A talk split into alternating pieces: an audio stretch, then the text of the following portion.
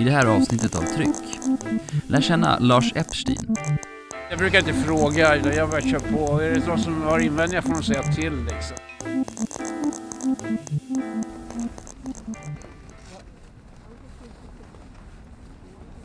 Så, jag ska ta och börja för klockan är väl i stort sett 12 nu. Eh, jag Vi är ute i ett svinkallt slakthusområde söder om Stockholm. Den frusna och snötäckta marken vi står på är föremål för en utredning. Framtiden den är osäker för området. Ska det bli bostäder, restauranger, kontor eller ett köpcentrum här? En kvinna från Stadsmuseet ska valla runt intresserade medborgare som kan tycka till om platsens framtid. Om Stockholmspolitikerna sen bryr sig, ja det är en annan sak. Men nu är vi här i 15 graders kyla och mitt i folksamlingen står Lars. Ett knäck bland många andra kanske och Lars har väl blivit ett eh, slags inslag vid sådana här träffar. Ja, det var faktiskt en uh, snubbe som heter Kalle Bergbom som frågade om inte jag hade lust att blogga lite om Stockholm. Ja, men det kan jag väl göra så. En till två gånger i veckan sådär tyckte han. Uh, men nu, där blir det liksom en, två gånger om dagen i princip. En gång om dagen i alla fall i sett. Är det bra pröjs? Nej, det är det inte. Men jag har ett frilanskontrakt med det. Men bra pris är det absolut inte. Men jag har ju pension också så att jag klarar de här. Hur länge kommer du hålla på tror du? Nej, det vet jag inte. Så länge jag känner att det känns eh, bra liksom på något sätt. Ja, så länge jag får kan jag säga också kanske. Det är ett sätt att, du vet när man är pensionär och inte har så många andra intressen, spela golf eller något liknande sådär. Så det är ett sätt att komma ut på saker och ting som man är intresserad av och ett sätt att hålla igång liksom. Det blir som en livsstil på något sätt. Så att, ja, det får vi se.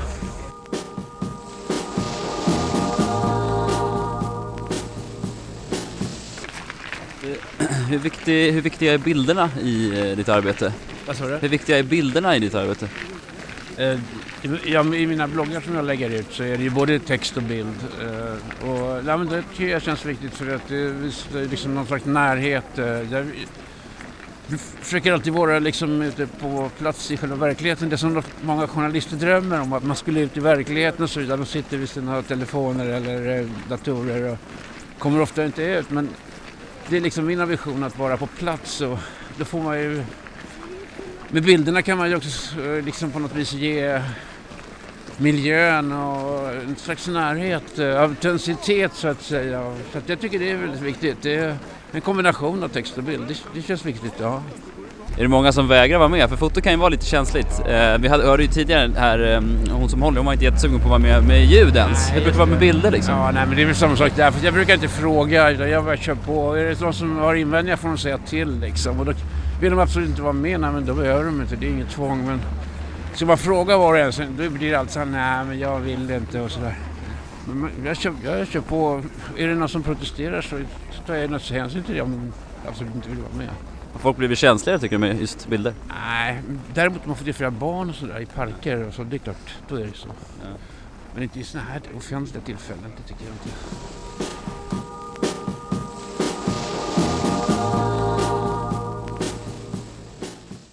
Varför valde du den här grejen?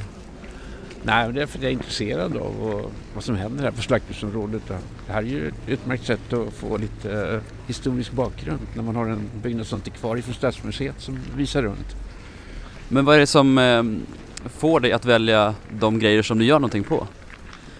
Ja, det är väl att jag är intresserad av vad som händer i stan och eh, utbyggnaden av slakthusområdet är en, ett stort projekt som sker här i Stockholm. Så att, eh, då är man intresserad naturligtvis av hur det kommer att bli i framtiden. Det ska ju byggas en 4000 bostäder och så vidare. Sen är det intressant att se hur mycket man bevarar av den här gamla kulturhistoriska miljön.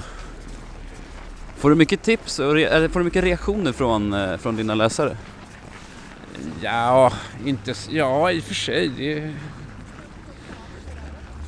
folk delar ju på Facebook och kommenterar inläggen och sådär. Det är väl ingen som direkt ringer och berättar och, eller kommenterar. Men på sociala medier så är det rätt mycket kommentarer. påverkar det grejerna som du eh, funderar på att du ska göra liksom? Ja, jag får ju en del tips liksom om olika saker, det, så är det ju. Men eh, ja, det är ju...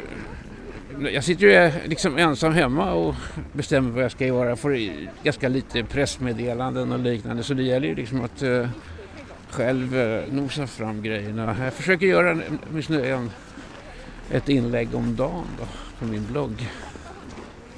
Och det, är ju, ja, men det kan ju vara allt. Det kan ju vara allt olika evenemang, stadsbyggnad, eh, demonstrationer. Sånt som överhuvudtaget engagerar mig själv. Liksom, som jag tror att kanske också engagerar andra. Gärna sånt som faller mellan stolarna i bevakningen, de stora tidningarna och radio och tv och så vidare. Gärna sånt som de inte bryr sig om så mycket. Som faller, ja, som faller liksom mellan, i mellanrummet. Det är liksom där man trivs bäst. Får du mycket eh, liksom pekpinne från redaktionen? Inte ett dugg, inte ett dugg. Jag har ingen kontakt överhuvudtaget med redaktionen. Du gör vad du vill? Precis. Det är rätt eh, fräscht faktiskt att vara sin egen uppdragsgivare. Det är någonting helt nytt. Eh, så är det ju inte på en tidning. Att man själv får bestämma vad man ska göra. Det är faktiskt fräscht. Du har lyssnat på Tryck. Se till att gå in och prenumerera för att få senaste avsnittet. Och så en grej till. Se till att du ger betyg. Tack så hemskt mycket.